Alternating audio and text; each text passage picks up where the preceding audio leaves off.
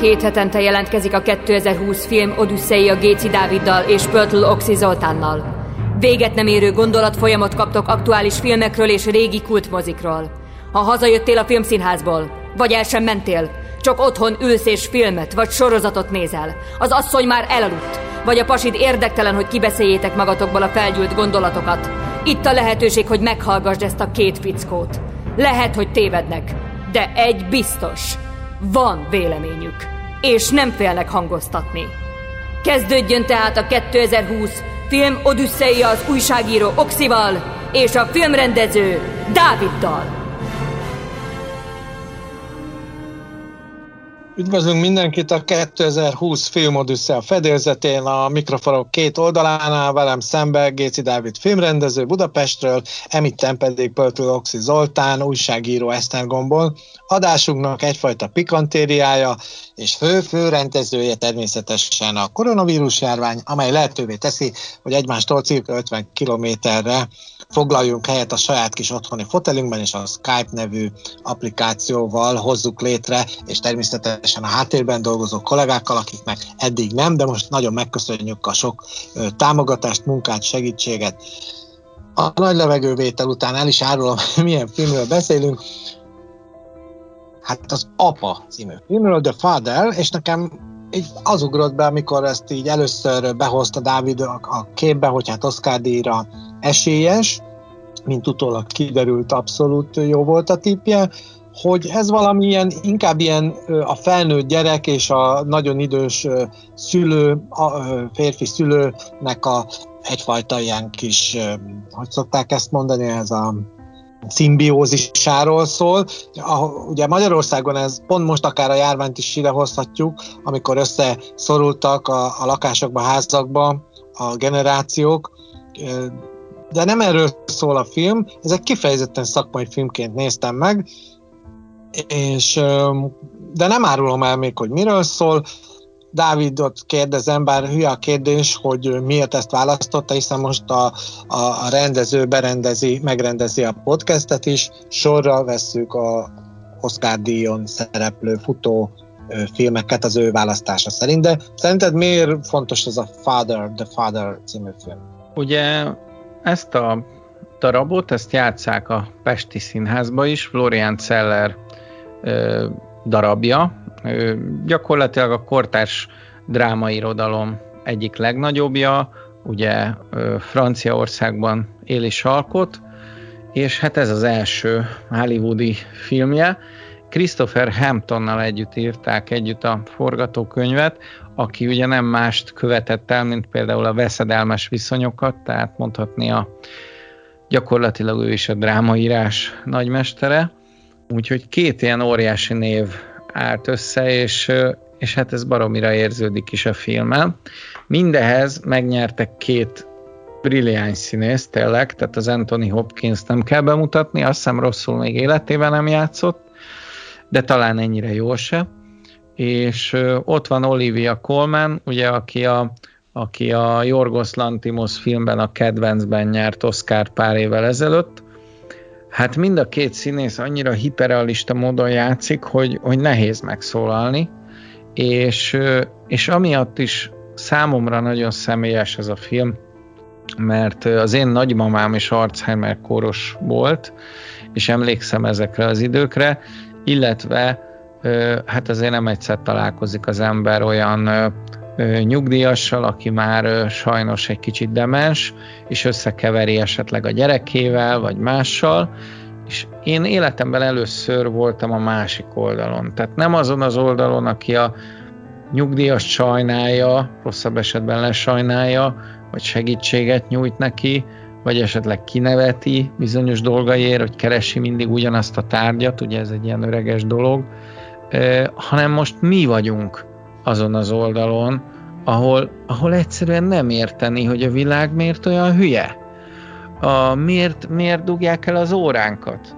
Miért néz ki úgy a lányom, mint, a, mint az ápolónő?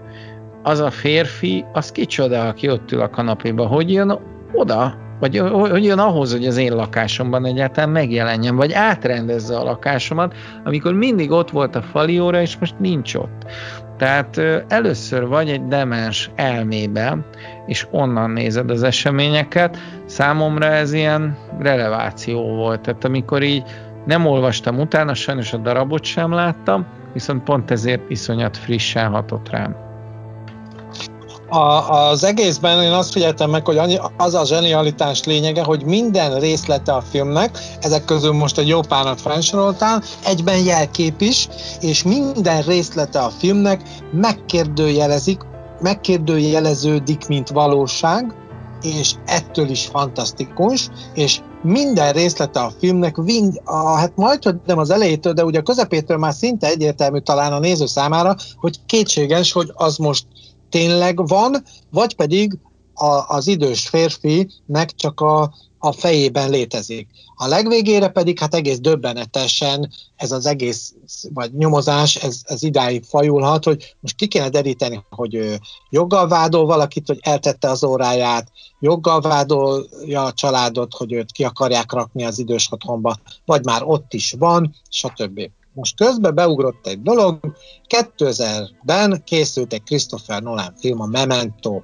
ott azt, az az alapsztori, és ez nagyon hasonlít ehhez, hogy egy fiatal, 30-as férfi ember fölébred egy szállodába, és semmire nem emlékszik, és elkezdi a rendező ott visszafele lejátszani a történetet, hogy kiderítse, hogy ő igazándiból miért van ott, mi történt, hogy halt meg a párja, kiölte meg, és neki ezzel milyen dolga van, bosszút kell állnia, vagy lehet, hogy ő egy rendőr, akinek ezt ki kell nyomozni, vagy tényleg ő is egy áldozat, stb. stb. De ott is ezt látjuk az illető, a, a, a emlékezet kiesésbe szenvedő ott fiatal ember szemszögéből, hogy milyen borzasztó az, és ez már ugye hova tovább egy ilyen biofilozófia, vagy nem tudom, hogy mondjuk ezt, hogy emlékezet nélkül mit ér az ember. Erre ennek az, uh, The Father, az Apa című filmnek a legvégén kapunk egy, egy érdekes, hát ha nem is válasz, de egy újabb nagy kérdőjelet, amivel szépen kimegyünk a fürdőszobába ilyen tartalék papírzsebkendőkért,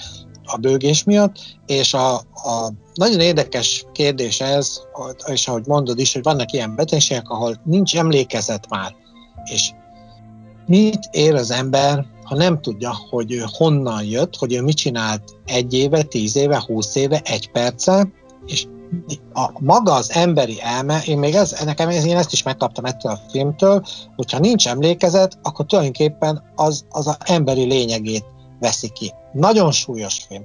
Tehát ilyen, ilyen nem is tudom, tehát ilyen, hát ilyen Dostoyevsky, meg Kafka, meg ilyenek jutottak eszembe, ugye Dostoyevskit azt csak kamuból mondtam, a sznobok miatt a Kafkát olvastam is, és ott, ott vannak ilyen, ilyen rezgések, hogy az emberi létezésnek olyan alapvető elemeit jeleníti meg az adott műben, és azok általában ilyen negatív, félelemmel, szorongással, a, valami nagyon-nagyon nagyon sötét ö, dolgokkal kapcsolatosak, itt, és itt ez mind szépen, nagyon apró, ilyen cizellált, mozaikszerű felépítményben rakódnak rá, hogy megyünk előre a filmben. Nem mondok történetet, mert itt is vannak időugrások amiatt, hogy ő sokszor azt se tudja, hogy hol van, azt se tudja, hogy hány óra, milyen nap, melyik év, stb. A spoilerezéseink során most remélem kiderül. Gondoltam, hogy kérdezek valami okosat, de mit is akartam elfelejtettem, ez milyen jó pofa most egy ilyen film kapcsán. Én egyébként nem gondoltam volna az elején, még ezt gyorsan hozzáteszem, hogy ő neki van egy konkrét betegsége, ő csak simán elég idős. Most gyorsan meg kéne néznem, hogy mennyi idős az Anthony uh, Hopkins.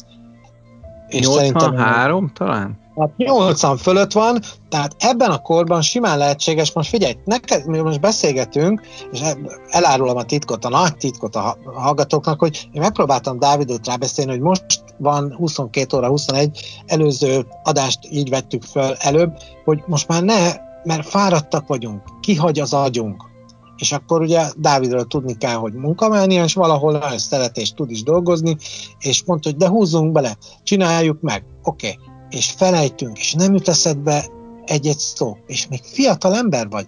Tehát lehet, hogy simán, te 83 évesen semmi bajod úgy nem lesz, De 35 év után mondják az orvosok, elkezd megkopni az emberi szervezet. Hát az agy is hozzá tartozik, szinte döbbenet, tehát 35 év, meg 50 az 85, ha jól számolok, és 50 év alatt ki tudja, mivé messzesedik az agy. Már ha messzesedik, ez sem van biztosan. Tehát nem biztos, hogy valami súlyos betegség. Ez, ez nem tudom, ki, hogy derült ki, hogy, hogy ez a Alzheimer, ez ott Alzheimer. Vagy csak sima demencia, egy alapeset demencia. Szerintem pont ez a fantasztikus ebben a filmben, hogy ezek nem feltétlenül derülnek ki pontosan, és, és ha most mi vállalkozunk arra, hogy összerakjuk a mozaikokat, nem biztos, hogy össze fog belőle állni a puzzle tábla. Tehát kicsit David Lynch útvesztőben vagyunk, amikor a film történetéről beszélünk, ugyanis nagyon sokszor van arról szó, hogy ugye itt még egy lánytestvér volt, tehát hogy gyakorlatilag a Hopkins által alakított bácsinak ugye még egy lánya volt, az, az úgy nagyjából felsejlik, hogy ő meghalt tragikus körülmények között, de nagyon sokáig ezt így így nem is lehet tudni, és igazából még a stáblisten is Olivia Williams-et csak úgy lehet olvasni, hogy The Woman, tehát hogy a nő. Hogy pontosan kit akar a nő, azt nem tudjuk. Egyébként ez is egy nagyon jó és találó elnevezés, ugyanis a demens emberek is csak úgy szoktak hivatkozni bizonyos emberekre, hogy a nő vagy a férfi. És ennek az az oka, az a szégyenérzet, amit egyébként a, az Anthony Hopkins nagyon jól játszik el, ugye szintén Antoninak hívják a filmben, tehát Anthony nagyon jól mutatja, hogy, hogy az ember már szégyenkezik amiatt, hogy ez meg az nem jut eszébe, és igazából az se jut eszébe, hogy ki az, akihez épp beszél. És ezért egyszerűbb azt mondani, hogy a nő, vagy a férfi. Itt ugye nincs rossz válasz, mert mindenki nő vagy férfi. Egy a gond, hogyha a lányodra mondod azt, hogy a nő. Az ciki. És, és hát tudjuk, hogy ebbe is belefut, illetve hát nem egy ilyen helyzetet láttam sajnos időseknél, és hát ez egészen addig megy, amíg gyakorlatilag megszégyenül. Tehát, hogy, hogy nem csak szellemileg szégyenül meg, hogy mondjuk őt folyamatosan hülyének nézik, hogy keresi az óráját, vagy, vagy mindig ugyanolyan kérdéseket tesz föl, pedig már előbb kapott rá választ, és néha realizálja is, hogy hú, ezt már megkérdeztem, hanem, hanem hogy eljut arra a pontra, amikor, amikor már azt se tudja, hogy most reggel van-e, vagy este, kibulizza, hogy minek, minek felöltözni, fölvenni a gatyát, fölvenni a pulcsit, mert már mindjárt itt van az este, a vacsora, akkor megint le kell vetközni, és igazából úgy marad, mármint, hogy abba a kis pizsibe. És utána abba a pizsibe megy ki, és onnantól kezdve még nagyobb a baj, mert a pizsibe azt is elfelejtjük, hogy most este van-e vagy nappal, hogy kimentünk-e húgyozni az éjszaka közepén, vagy nem mentünk ki húgyozni. Tehát ezek, ezek óriási problémák, és, és onnantól kezdve, hogy hogy az a tártala is megszűnik, az a, az a fokozatosan ismétlődő dolog legalább, hogy reggeli, ebéd, vacsora, pizsi, ruha, pizsi, ha ezt is felborítjuk, akkor, akkor végképp őrület van, és, és ebben a film nagyon partner, tehát víz bele az egyre sötétebb labirintusba. Nekem azért is szimpatikus volt ez az egész, mert ö, egy bizonyos év szám után, amit én különösebben nem tartok nyilván, csak úgy, ahogy Nemere István mondta egyszer, hogy néha belenézek a személyembe, és akkor látom, hogy hány éves vagyok, nagyon könnyen tudtam azonosulni ezzel a problémával. Dolgoztam egy ilyen kisebb cégnél, ahol volt egy pici iroda, én voltam az irodavezető, de nem volt kit vezetni, az irodát kellett a papírokat rakosgatni, ez egy ilyen relatíve bonyolultabb, ilyen lakópark építő cég volt, és volt négy mondhatni kedves főnököm, és hát ők elég dinamikusan éltek a szokásos menedzser stílusba, és mikor bejöttek, hetente többször, ott tartottunk egy nagy értekezletet, mindig az egész cégtörténetet a nullától, vagy éppen az aktuális fejezettől kezdve a, a, lezárásig el kellett tudnom mondani a számlák, a szerződések, a stb. tekintetében egy csomó minden persze kiesett, számítógépes nyilvántartás, bla bla bla bla.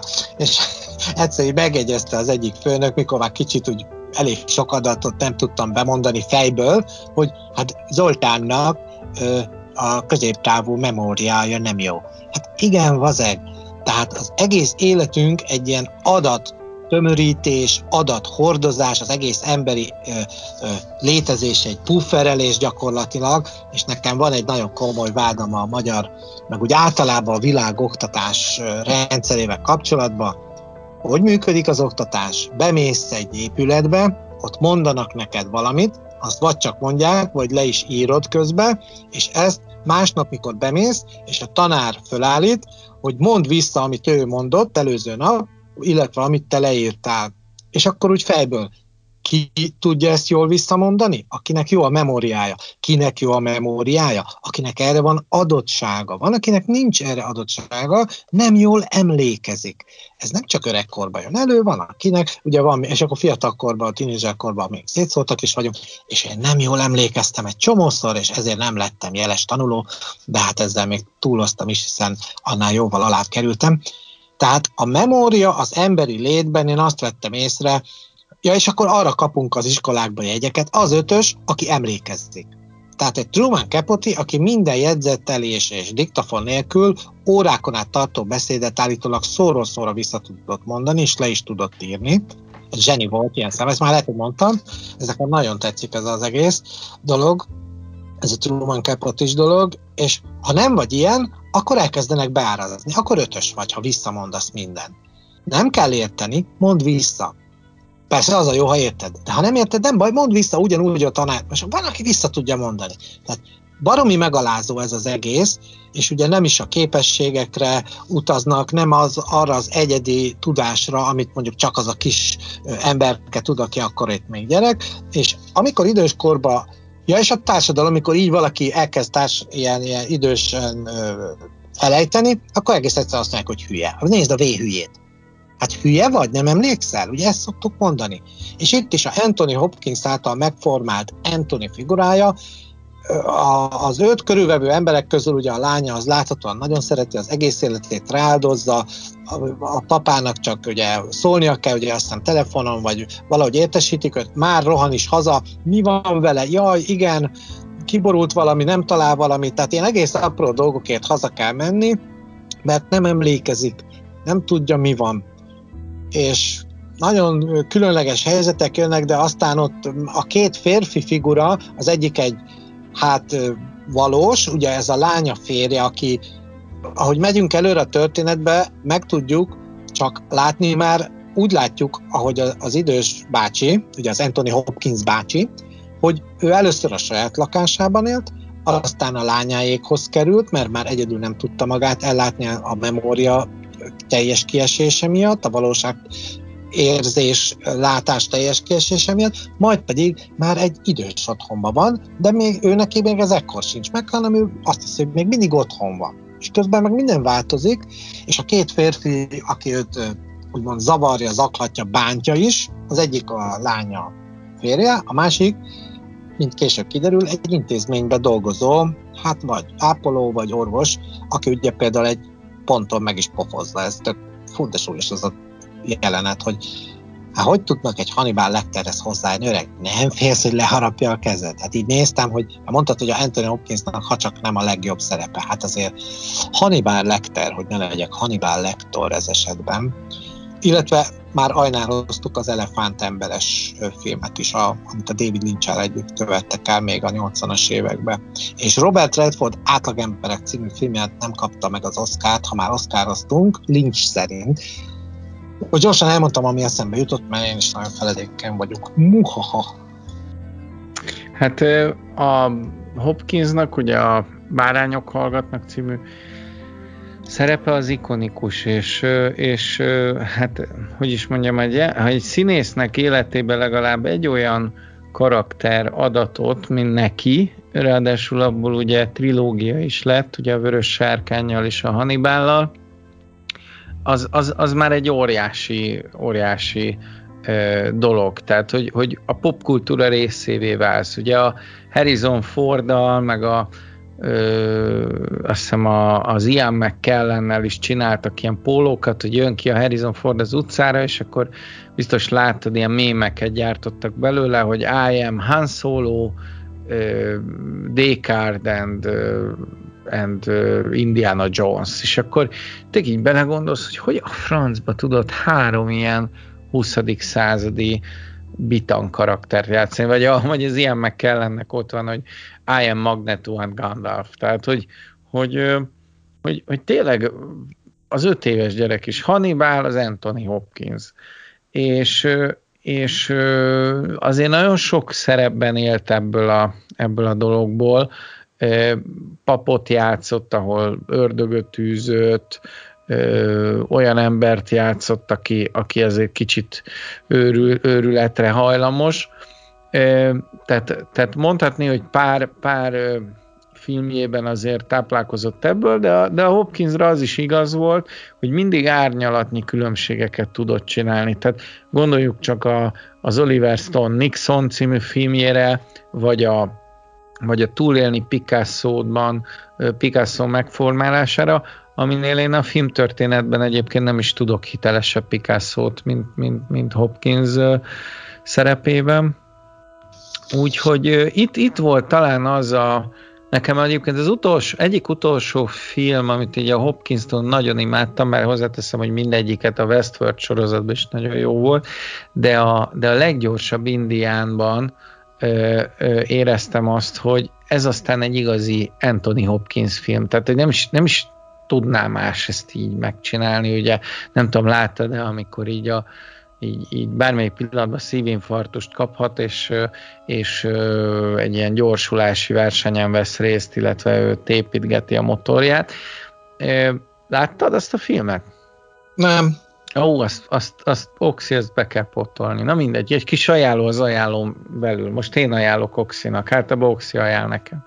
És a lényeg az, hogy, hogy viszont ez az apa, ez, ez kihozott valamit ö, belőle, amit ö, régóta látok egyébként ilyen ö, Instagram videókon, mert ö, azt tudni kell rólam, hogy ennyire vagyok kozmopolita, hogy követek ilyen, ilyen sztárokat az Instagramon, és egyszerűen érdekel, hogy hogy, hogy gondolkodnak a világról, mit, mit mutatnak magukról, és a Hopkins az, az meglepően infantilis ember a magánéletbe. Minden nap föltesz egy videót, vagy arról, hogy táncol, vagy arról, hogy zenét szerez, énekel, vagy egyszerűen csak őrült grimaszokat vág, vagy hörög a sarokba, tehát egész szürális dolgokat tud csinálni, és ebben a filmben megmutatta ezeket a, ezeket a nagy váltásokat. Tehát egyrészt játszik egy ilyen minimalista stílusban, ahogy mindig, zseniálisan, és néha már-már majdnem a ripacskodásig tolja el a, a, a, a karaktert, amire azt mondanám, hogy, hogy, hogy teljesen hiteles, hiszen, hiszen néha az idősek is ki akarnak ugrani a bőrükből. Tehát egyszerűen nem érzik magukat komfortosan a bőrükbe, és hirtelen vicsorognak egyet, vagy neki mennek az embernek, vagy mutogatnak, fenyegetőznek, és, és nevetséges is tudnak válni, Ö, aztán amikor erre ráismernek, akkor elszomorodnak, vagy esetleg elszomorodnak egy emlék miatt, ami épp eszükbe jut, felidéznek egy halálesetet, vagy valami drámát, amit már mélyen elnyomtak magukba, és hát amit, amit, amit ugye szóba hoztál az előbb, Oxi, hogy, hogy, hogy ez mennyire durva az a jelenet, amikor fizikailag is bántalmaznak egy idős embert, Hát azt, azt meg kell mondjam, hogy nekem azon a szinten van körülbelül, amikor egy idős embert bántanak, mint amikor egy nőt bántanak. Tehát az, az, az valami, mert más a gyereknevelés, hogy nagyon rosszat csinált és kap egy pofont. Tudom, ezzel sokan nem értenek egyet, de én úgy vagyok vele, hogy, hogy engem, én is kaptam pofon gyerekkoromban, van, amikor a gyerek meg tudja érdemelni. De ez, hogy egy idős, maga tehetetlen embert bántanak, és szegény úgy zuhan vissza a gyerekkorba, tehát valami gyönyörűen játsza el a Hopkins, hogy arra a pár poforra, lögdösödésre hogy reagál, hogy elsírja magát, mint egy öt éves kisfiú, hát a szívem szakadt meg. Tehát, hogy, hogy tényleg valahogy, valahogy úgy, úgy megérintett a film, ami ahogy talán egyik sem. Tehát, hogyha ha kérdeznéd, hogy idén mi a kedvenc, hogy mi, mi, mi a kedvenc filmem a, az Oscar listában, biztos, hogy ezt a filmet mondanám minden szempontból, ez, ez tetszett a legjobban. Most gyorsan, ugye természetesen a puskát elővettem, ez most a Wikipédia éppen, és hát az egyik legjobban ide citálható Anthony Hopkins film, is erről is érdemes talán picit összefüggést keresni, találni ezzel a mostani The Father című filmmel, ha eljön Joe Black. Ott ugye egy embernek föl kell arra készülnie, meg kell vele barátkoznia, hogy, hogy a halál az bizony testközelbe leül vele szembe, már-már Bergmani a kép, ugye, amikor ez az egész megjelenik, és ez is ilyen az idős embernek állandóan, most ha én, én egyébként kicsit ilyen Woody Allen típus vagyok, tehát nekem az nem, kell meg, nem kellett idősnek lenni, hogy a halállal foglalkozzak, megkaptam azt az infót, hogy mivel megszülettem, ezért egyszer meg fogok halni, és nagyon ke- nagy kedvencem a Turné című Bereményi Géza film, és ott ugye a Eperjes összeugrik a egyik, vagyis hát az Eperjes által megformázott Szabó Tibor összeugrik egy másik színésszel, ugye ez egy szintársulat karavánutazását mutatja be, egy turnét, és ott mondja neki, hogy te jó vagy, de egyébként egy csomó hülyeséged van, és például ne dohányoz, mert meghalsz. És akkor a fiatal ember így ránéz az idős színész, és azt mondja, én, én soha nem fogok meghalni. Erre az eperes, ugye a szokásos stílusban, igen, akkor én se. És ez is egy hozzáállás, és egy idő múlva, ha csak le, ha volt is bennünk ilyen, mert akkora nagyra tartjuk magunkat, meg annyira elképzelhetetlenül gyönyörűséges, szép már az életünk a leges legelejétől, hosszan-hosszan egészen a nyugdíjig, akkor is egy idő múlva ez kijön, hogy hát nem, mert az élet már nem ilyen, és ebbe a filmbe ez nagyon érdekes, nagyon szépen, hogy a Joe Blackbe is, ha eljön Joe Blackbe is megjelenik, hogy ilyen rendező ilyen hogy szokták ezt mondani? Elfelem, nem, ugye? Tehát nem kell 8-3 éves. Líraian? Líraian? Nem, hanem az, hogy, hogy úgy nyúl egy adott témához, hogy ilyen visszafogottan, ilyen mértéktartóan, és uh, még mindig nem itt eszembe az szó, amit akartam mondani, tehát, hogy uh, diszkréten, igen, diszkréten kezeli azt a témát, hogy igen, tehát a film végén már látjuk, hogy ő szellemileg hát talán kimondhatjuk, hogy halott, a testében még él, és ha aki foglalkozik ilyennel, egy hozzám nagyon közel álló ember foglalkozik ilyennel, és nagyon büszke vagyok rá, hogy ő ebben dolgozik, és ezt nagyon szépen végzi ezt a szolgálatot, ott lehet látni, hogy az élet utolsó pár éve, és az évtizedekben is mérhető, az egy nagyon kemény csata, azzal való elszámolással, hogy Na így ebben az állapotomban én, én is dolgoztam egyébként szociális vonalon, az még jó rég volt, 80-as évek végén, tehát mit kezdjek magammal így szenilisen, demensen, mikor jön már el a halál, már várom, mondja ez az idős ember, és és aztán van egy olyan verzió is, hogy hát én még nem akarok meghalni, mert nem tudom mi. De ugye például az intézetekbe került, vagy a nem egészen otthoni szép körülmények között, hanem valami nagyon sanyarú körülmények között élő ember, idős ember, a szegénységben akár, vagy a betegségek által megnyomorítva azt gondolja, hogy na jó, ez hát már sok, már unom, már elég volt, én már menni akarok, át akarok költözni az örök hazába. És ez, ebben is meg, ez is megjelenik a filmben, de ilyen nagyon diszkréten, ahogy a, a Joe Black-es filmben. Ez annyira érdekel, olyan szépen mutatja a rendező, hogy annak ellenére, hogy vannak benne ilyen kiemelt durva jelentek, hogy ott beszól ez a képzeletbeli férfi, akiről kiderül, hogy ugye mégiscsak az intézmény, a későbbi idős otthon egyik dolgozója, de oda képzeli még a lakásba a, az Anthony, és mondja, hogy ne de meddig akar még itt lakni nálunk, és meddig itt teszi tönkre a mindennapjainkat ezzel a állandó magára figyeléssel, és hát stb. És ugye ez egy visszatérő jelenet. Tehát nem jó az idős embernek. Én hál' Istennek láttam a nagymamámat úgy, száz évig élt, egy hónap ilyen kereken száz évig, hogy az utolsó hónapot leszámítva végig tett, vett, tüsténkedett, dolgozott, ő szabónő volt, és mindenféle dolgot készített még a dédunokáknak, horgolt. Tehát van olyan idős állapot, és e, tényleg hálát adok az Istennek, hogy én ezt láthattam, hogy hasznosan telik el száz év, ugye már kezd száz év magánya, a magányt leveszünk, tehát száz év hasznosan is el tud telni másokért élve, és itt az is probléma ebben a memento hiányos állapotban, hogy nincs már feladatom. A, a napi feladatom az, hogy visszaemlékezzek arra, amire már nem tudok. Ez borzalmas lehet. És hogyha egy kicsit belemennénk abba, amiről az előbb is hát ilyen finoman átsiklottál felette, ugye, hogy hogy egészen pontosan, ha be kéne azonosítani, vagy mondani, mondhatni, hogy megfejteni egy, egy rejtvényt, aminek lehet, hogy a misztikuma múlik el attól, hogy megfejtjük, mégis feltennék neked ilyen kényelmetlen kérdéseket, amiket Antoninak is feltettek. Például, hogy a Imogen Potts által alakított Laura, ő kicsoda?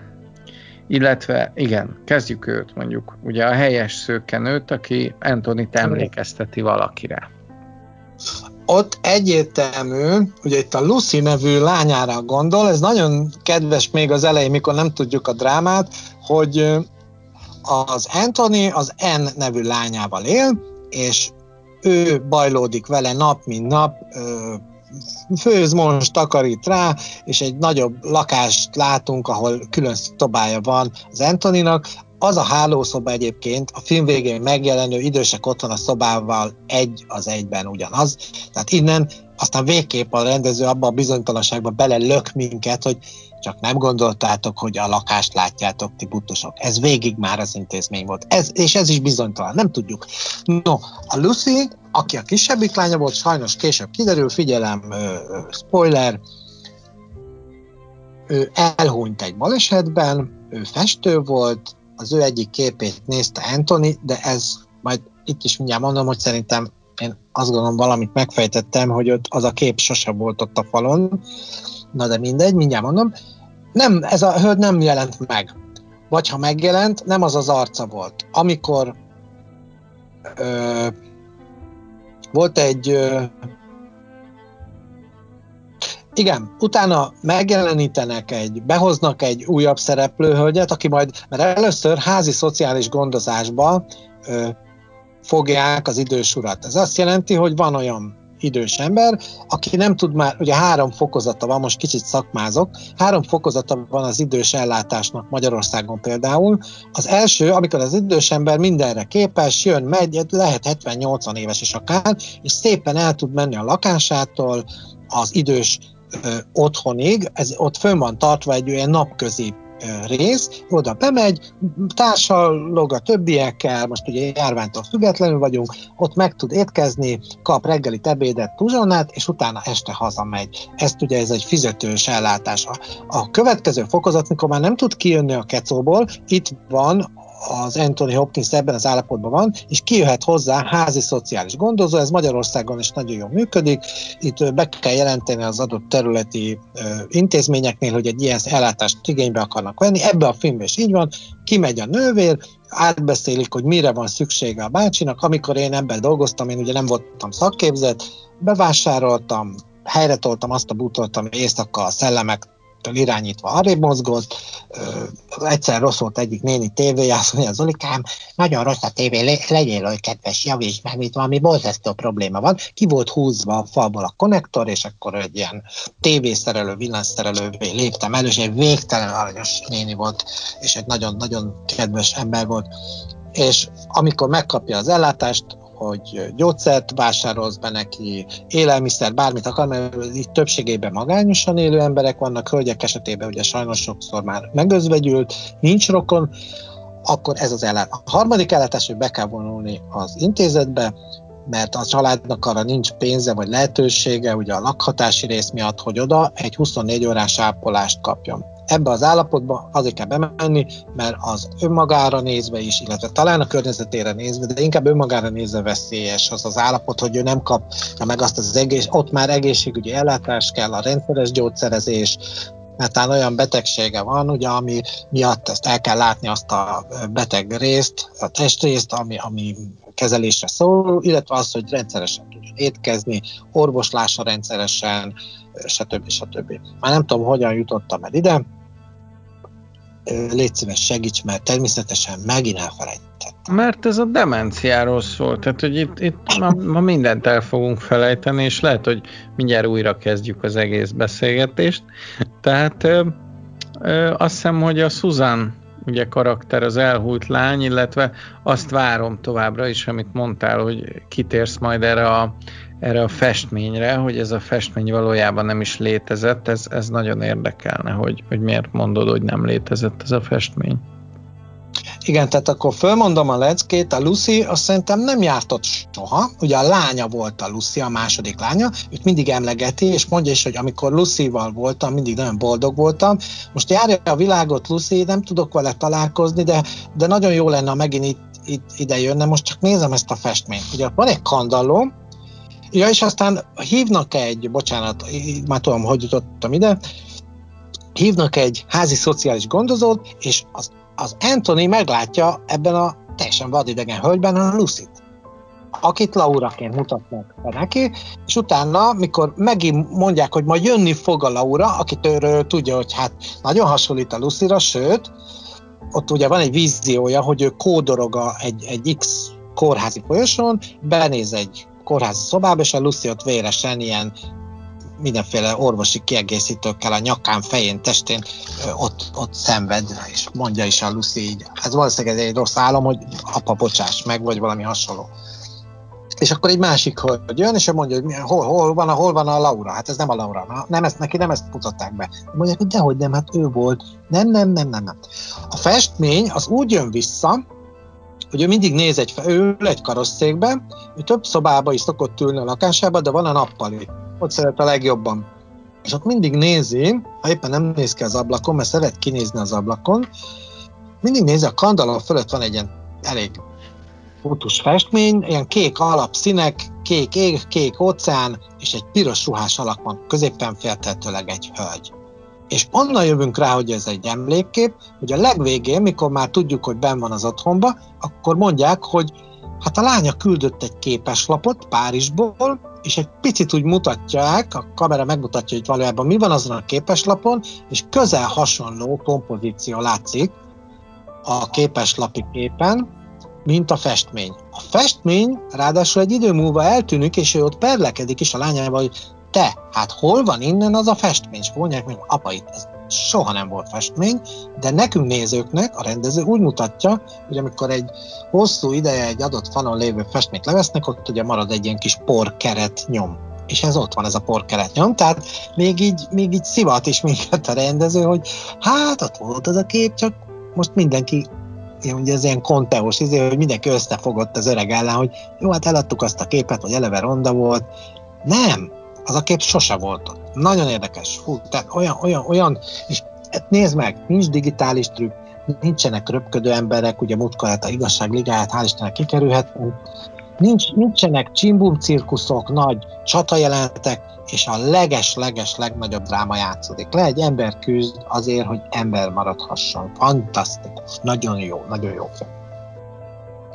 Hát én, én, én nagyon sok értelmezési mesdjét tudok elképzelni. Tehát itt, itt bennem az merült föl, hogy, hogy a lánynak megváltozott az élete, egy ideig arra gyanakodtam, hogy mi van, hogyha, hogyha a lány miatta, tehát az N meghozta azt az áldozatot, hogy mégsem ment el Párizsba, hanem, hanem az apjával maradt, hogy az apjára vigyázzon és, és magához vette az ő lakásába, és igazából az öreg lakásába ott volt a festmény, de a lány lakásában már nem volt ott. Volt egy ilyen elképzelésem is közben. Aztán, aztán arra is gondoltam, hogy, hogy az apa miatt megromlott a kapcsolat, ugye Anthony viselkedése miatt, és már egy másik élettársa van, ugye a, ugye a hölgynek, és azért nem szeretnek beszélni arról, hogy ez a férfi kicsoda, vagy miért nem az előző van ott, hiszen ki szeret az exéről beszélni, meg ráadásul pont a demens apja előtt, amit már valószínűleg 20-szor megbeszéltek. Tehát több olyan kényelmetlen téma van, hogy Antonival együtt próbáljuk ugye összerakni a mozaikokat, és ráadásul szeretnénk végre rákeveredni egy biztos talajra, és hát az a borzasztó, hogy ebben az állapotban nem lehet. Tehát, hogy, hogy ebben az állapotban soha nem lesz megnyugtató a helyzet, és napról napra úgy kell felébredned, mint egy pszichotriller kellős közepén lennél, mint a te lennél Michael Douglas a Játszma című filmbe, hogy, hogy nem tudod, hogy mi van. Tehát, hogy, hogy most, most a lányod fog megfordulni, aki ott vágja a répát a konyhába, vagy egy tök idegen nő lesz ott, és már előre félsz. Uh, ugye ott van ez a Rufus Sewell által alakított figura Paul, és hát ugye ő az egyik legunszimpatikusabb figura a filmben. Van egy emberi oldala is, hiszen teljesen egyértelmű lehet az, hogy ő, hogy ő egy, egy ilyen öregemberrel együtt élje az életét, az egy középkorú férfinak lehet, hogy nem a főnyeremény, és, és ezért lobbizik, hogy minél hamarabb tegyék el innen a fatert. Ezzel még olyan nagy baj nincs is, mert elhiszem, hogy sokan ezzel tudnak azonosulni, még akkor is ez nem egy szép dolog, de azzal már egyáltalán nem ö, lehet egyetérteni, amikor neki esik a, az Antoninak, ugye először mentálisan, majd fizikálisan is bántja, és hát amit mondtál a podcast elején, hogy azt mondja, hogy te itt egy ilyen ingyen élő tébláboló vagy, és hogy mikor akarod ezt befejezni. Tehát ezek olyan, olyan bántások, amik, amik mondhatni megbocsájthatatlanok. Szerinted ez a, ez a Paul, ez valójában az N élettársa, és ha igen, akkor ez milyen időségben az élettársa? Tehát ez a, ez a idősek otthona előtti időszak, tehát mikor Párizsba kivegy az N, akkor szerinted a Pollal megy ki Párizsba? Hát én, az a tévedésnek a forrása, hogy a, ugye Anthony szemszögében látjuk először, ő azt hallja, hogy a lánya közli vele, hogy hát figyelj apa, most én gondoskodom rólad, de megváltozott az életem, összeismerkedtem egy férfival, megtudjuk, hogy ez ugye Londonba játszódik, és mondja hogy hát nekem el kell menni Párizsba, de semmi gond, mert hétvégenként jövök. A film végére ugrok újra, akkor már tudható volt, így visszanézve, sokszor meg kell nézni egyébként a filmet, hogy ekkor már az intézetben volt. Csak ő még úgy látta, hogy otthon van, mert akkor a nő nem hagyhatta volna magára, hogyha nem tudnak ott róla gondoskodni. Gyakorlatilag ő már szinte tényleg ilyen 24 órás gondoskodást igényelt. Aztán megy tovább ez a történet, azzal, hogy fölhozza az Anthony, hogy hát de a lányom megy Párizsba, megjelenik Paul, és mondja neki, hogy még mondja is először, hogy ups, hogy op, Paul, te ezt nem is tudtad, hogy Párizsba megy, akkor megint bele, és akkor bemondja ezt a régi kifejezést, angol kifejezést, ezt már is felejtettük, Upsi, most ups. már nem nagyon hat. Ups a Daisy. Ups a Daisy. Igen, ez benne van a Nothing Hill-be, amikor a, azt hiszem elcsúszik a Hugh Grant, és röhög rajta a Julia Roberts, hogy jé, ez milyen viktoriánus angol kifejezés, és akkor ott röhög a Hugh Grant, nekem ez jutott eszembe. Ja, tehát picit oktat is a film. Most ugye igen, itt a Paul problémája, mert azt a másik manuszt, aki a aki aztán az intézmény egyik dolgozója lesz, vagy dolgozójaként jelenik meg a film vége felé, az is Paulként mutatkozik be, és az is azt mondja, hogy nem, tehát azt mondja, te ne kérdezz tőlem, hogy én ki vagyok, mászkál Anthony Hopkins a lakásban, akkor ott egy férfi. Azt mondja, bocsánat, de maga ki, hogy jött be? Azt mondja, hogy, hogy? Hát én itt lakom. Hát papa maga velünk lakik. Tehát a polból kettő van, tehát ilyen eszméletlen, hogy szegény ö, idős ember ö, azt ö, éli meg, amit hát tulajdonképpen előbb elmondtam, most akkor nem ismétlem meg, hogy semmit, senki és semmi nem biztos, sem, de az idő sem és a hely. De ő ezzel már aztán nem is foglalkozik. Van a helyzet, hogy rákérdeznek, hogy akkor behívjuk azt a hölgyet, és akkor már látszik, hogy nem, fingja sincs, hogy ki az a jó hívjuk, vagy, vagy nem tudom. Tehát, hogy már mindenbe beleegyezik, már nem akarja azzal fárasztani magát, hogy hú, most meséljetek el újra előről az egészet. Borzalmas lehet, és ott a végén ugye jó, tök sokáig tartja magát, a Lucy jelenetnél nagyon földobódik, amit mondtál, hogy már ilyen ripacskodásba átcsap, az nagyon érdekes Anthony Hopkins-tól, hogy lehet látni ilyen kicsit ilyen tényleg ilyen komikus, szánalmasan komikus embert, akiből előbújik szerintem még a férfi is, ugye nem azért, mert azt gondolja, hogy az a lánya, hát természetes, hanem mert tudja, hogy ez egy ugyanolyan csinos kis hölgy, egy fiatal hölgy, ez egy klasszikus effektus, hogy amikor 70-80 éves férfiak is meglátnak egy olyan fiatal hölgyet, akik az ő életterükbe be, bejön, de akár úgy is, hogy a kórházba, de inkább a, mondjuk a szociális otthonba, akkor, akkor föllobban bennük az a férfiúi ö, alak, aki régen még hódított, aki akár egyetlen kacsintásával, mondatával közelebb tudott a hölgy, adott hölgy bizalmába férkőzni, és ezzel elnyerte esetleg a szimpátiáját, és ez neki jól esik, mint mindenkinek, aki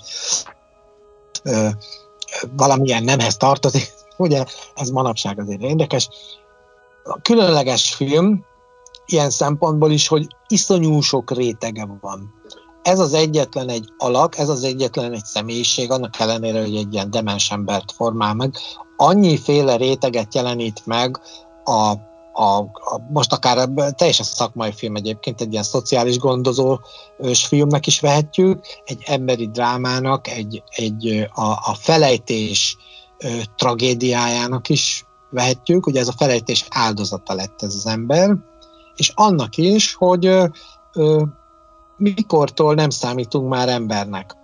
És akkor ide, ide citálhatom a Mégis kinek az élete című filmet, ahol ugye egy fiatal 30-as éveiben egy csúcson lévő szobrász művész Richard Dreyfuss alakítja, olyan balesetet szenved, hogy nyaktól lefele lebénul, ezt is már említettük korábbi podcastben, én ezt nagyon szeretem ezt a filmet, és ott is el kell számolni az élettel, ő ugyanála, neki az a kínja, hogy ő minden, neki az elméje tökéletes, és a testen nulla. És ő azt mondja, hogy én így be akarom fejezni, és egy, egy per utalva az előző adásra, ugye a Chicagói heteknél, az is egy per film valahol, és egy ö, ö, pert játszanak le, folytatnak le a kórházba, hogy a fickó ugye ezt a ö, eutanáziát megkaphassa, és akkor meg is kapja. Itt másról van szó, itt nem akar meghalni, és akkor igen, tehát, de nagyon nehéz film, elviszi a halálig szerintem a rendező, tehát elviszi a végpontig, mert ott már egy mennyország jár, ezt hadd mondjam el, ha szabad, hogy a végén ugye ott az a fiatal nővér oda, odahajtja a fejét az Anthony Hopkins a nő vállára, akkor már zokog, akkor már teljesen át, át lényegül kisgyер, egykori kisgyermeki valójává, és akkor a nő a legegyszerűbb dolgokkal nyugtatja, hogy semmi gond, most felöltözünk, nagyon szép az idő, kimegyünk sétálni a parkba, utána visszajövünk, fogunk egy picit enni, mert az kell, és utána még mindig jó idő lesz, megint sétálunk egyet ebbe a parkba. És időskorba, ott, ott vagyunk az idős otthonba, tegyük fel, két Dávid 80 valahány évesen ott ül, ez a napi tennivaló, és semmi más. Nagyon nehéz. Nagyon, nagyon, nagyon szomorú, és nagyon felkavaró film, de azt gondolom, hogy nagyon szórakoztató is, hogyha, hogyha ezt abban az értelemben lehet használni, hogy végig leköti a figyelmedet. Tehát egy, egy, egy nagyon izgalmas film, ez a kirakós játék, és, és színészileg is hihetetlen lehetőséget ad minden színésznek. Tehát itt, itt igazából csak az Anthony Hopkinsról beszéltünk, de amit az Olivia Colman játszik ebbe a filmbe, lehet, hogy én ezért adtam volna neki az Oscárt, nem a, nem a kedvencért. Annyira érzékeny, annyira finom az a, azok a finom mimikák, ahogy egy lány érzelmileg viszonyul az apjához, és a legkisebb bántástól a legdurvább szidalmazásig ő a teljes érzelmi palettát az arcán felvonultatja, reagálva az apjának a mondataira. Tehát ö, egyszerűen annyira rá tudott kapcsolódni az Anthony Hopkins játékára, hogy, hogy, hogy tényleg elfelejtett, hogy ő, hogy ő, ő két színész Angliából, tehát hogy, hogy vagy az egyik Walesből, a másik meg nem tudom honnan, de, de, hogy, de, hogy, de hogy nincsenek semmi rokoni kapcsolatban. Tehát e, ezt egyszerűen elfelejted, mert, mert két olyan csodálatos színészt látsz, ami tényleg a, talán a jó értelemben a, a modern színház legjobb pillanatait hívja elő. Nagyon szívesen nézném meg Párizsba ezt a darabot. Nagyon kíváncsi vagyok, hogy mit hagy ki a, a Celler, ugye a Hamptonnal együtt a, az adaptációval, ugyanis a filmnek ugye mindig rövidebbnek kell lenni, másfél-két órásnak, egy színpadi darab lehet három órás, és, és ezek után nagyon kíváncsi tett, úgyhogy ahogy be lehet ülni végre egy színházba, én a Pestibe is meg szeretném nézni a Kern Andrással ezt a darabot, ugye Valló Péter rendezésében. Én is, én se tudok mást mondani, csak hogy egy fantasztikus film, és az általad példának hozott eljön Joe Black, nekem meg kell, hogy vajon elsőre annyira nem tetszett, mert akkor még billegett bennem, hogy a Brad Pitt az az annyira jó színésze, aztán természetesen később egyértelművé vált, csak akkor még, amikor én gimnazista voltam, akkor ment a, az Eljön Joe Black, és Anthony Hopkins már akkor is a halára készült szerepeiben. Nem is értem, hogy, hogy, hogy nem tudott plusz öregedni 20 év alatt, vagy csak valami minimált, tehát hogy olyan, mint Anthony Hopkins ugyanolyan lenne az elmúlt 30 évben fizikailag. A lényeg az, hogy ott, ott volt benne egy egyfajta nyál, ami, ami ebben a filmben nincs. Tehát ott, ott végig volt egy, persze filozófikus, de ez az, az amerikai filozófikus, kicsit romantikus, komédiás, drámás elegy volt, itt viszont, itt viszont tényleg egy, egy, egy, egy komoly filmet látsz, egy modernista, néha modernista elemekkel élő komoly filmet, amire szerintem Ingmar Bergman is úgy reagálna, ha élne szegény, hogy, hogy azt a mindenit. Úgyhogy ha most itt átléphetnénk az értékelésre, én hát így elmondom, hogy én ennek megadnám a tízest, ami nálam azt jelenti, hogy klasszikus filmes kategóriába kerülne. Tehát a, a, klasszik, a legnagyobb klasszikus filmek szintjére hoznám ezt a filmet. Lehet, hogy pár év múlva nem, most én így érzem. Hát én ezt nagyon nem bírom, mikor nekünk tök egyforma az értékelésünk, meg gondoltam, hogy nem, esetleg nem tízes tant, és akkor én egy ilyen frappáns végszóval, hogy tíz pont. Is több mondani való. De nem így van, mert te is tízes tettem. Hát persze, erre nem lehet mást adni, ugyanis erre mondják, és ezt a szót ezt már nagyon régóta tartogatom magamba, a film megnézése óta, ez egy mestermű. Erre mondják szerintem, hogy mestermű.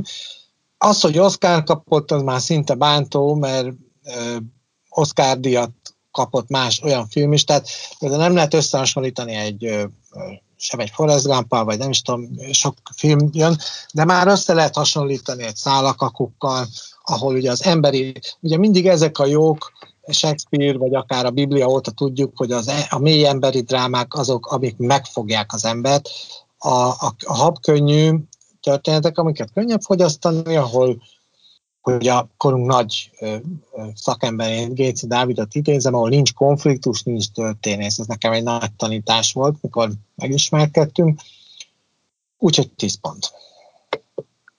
Akkor marad a, az elmaradhatatlan felvezetése ugye a, a Hol találtok meg minket című fejezet, amit, vagy szabadvers Oxi előadásában. Annyit akartam mondani, Oxi, hogy nyom be, vagy mond bele a, a Player FM-et is, mert múltkor egy nagyon kedves barátom figyelmeztetett arra, hogy a legtöbben podcastet a Player FM-en hallgatnak, úgyhogy most már ennyiben fejlesztettük magunkat, hogy nem csak a Spotify-on és a YouTube-on, Facebookon, Instagramon vagyunk jelen, meg még hol is vagyunk jelen, Oxi? Tudta? Szinte mindenhol ott vagyunk. A 2020 filmodüsszea nem csak a YouTube-on, a Facebookon, az Instagramon, ezeken az ősrégi oldalakon, amúgy rendkívül népszerű oldalakon van ott, de az ilyen modern helyeken is, mind a Player FM, vagy az Apple Podcast és még sorolhatnám. Van egy anyavállalati oldalunk is, a könyvkultúra.kello.hu címen találtok meg minket. Ott van egy olyan rovat, hogy Bibliopod, és akkor ott a 2020 filmodüsszea minden eddigi adását, ami most már meghaladta a 30-as számot, 11 hónapja toljuk a rizsát.